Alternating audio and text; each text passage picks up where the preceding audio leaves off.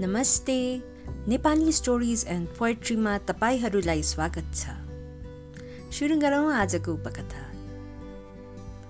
वन गमकाई फुल फुल्यो। कवि शिवकुमार राई। वन गमकाई फुल फुल्यो, जाँप गुरास चिमल पहाडकी रानी हाँसी ढकमक्के हिमाल।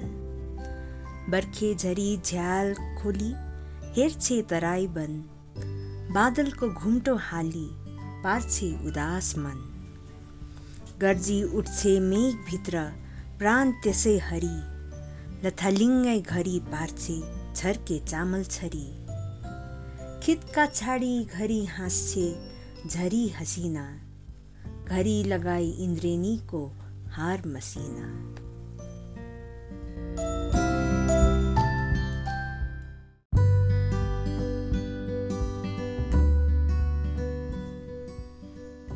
साँचो मित्रता। सङ्कलन राजनारायण प्रधान। एक समयमा सिराकस भन्ने शहरमा दुई मित्रहरू बस्थे दामन र पाइथस।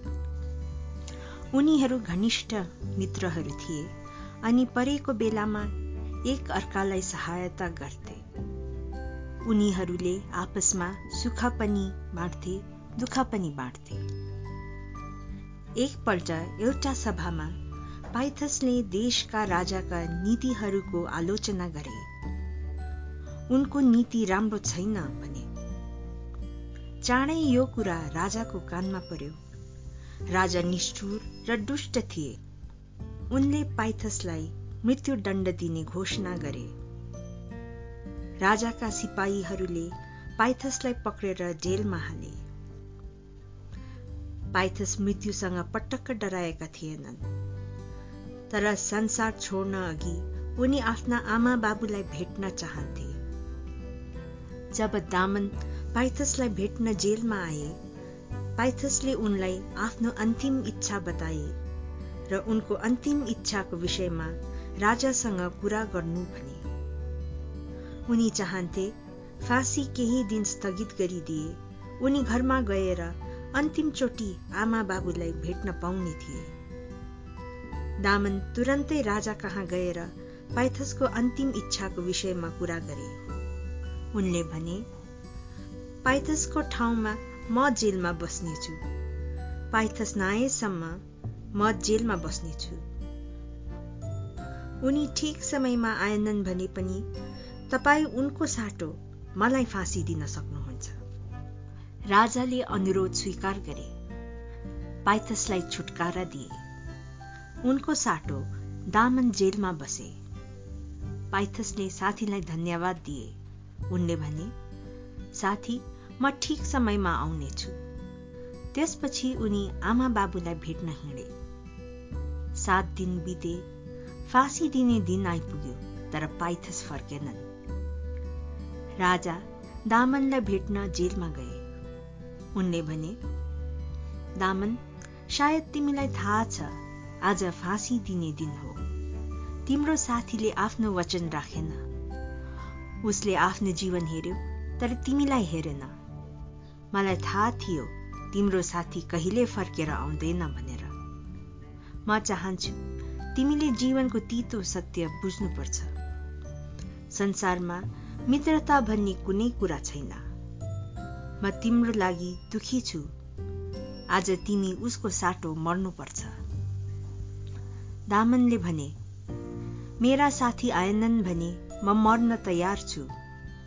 उनी आएनन् भने पनि म खुसी हुनेछु म उनलाई फाँसी दिएको दृश्य हेर्न सक्दिन।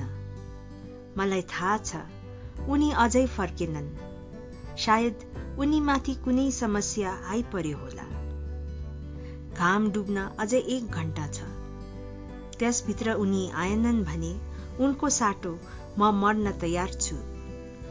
मलाई मेरो जीवनको ख्याल छैन तर भगवानले उनलाई भलो र स्वस्थ राखुन्। यो कुरा सुनेर राजा चकित भए। अन्तिम घडी पनि बित्यो तर पाइथस अझै फर्केनन्। सिपाहीहरूलाई तिनलाई फाँसी दिने ठाउँमा लान हुकुम दिइयो। दामनलाई फाँसी। दिनै लाग्दा एउटा आवाज सुनियो। पर्खनुहोस् पर्खनुहोस् म फर्केर आइपुगे। यो कोही नभएर पाइथस नै थिए। उनी राजाका अगाडि उभिएर घुँडा टेकेर भने म भगवानलाई धन्यवाद दिन्छु। म आइपुगे। वास्तवमा मेरो घोडा बाटैमा मर्यो र मैले अर्को घोडा खोज्नु पर्यो। यसैले आउन ढिलो भयो।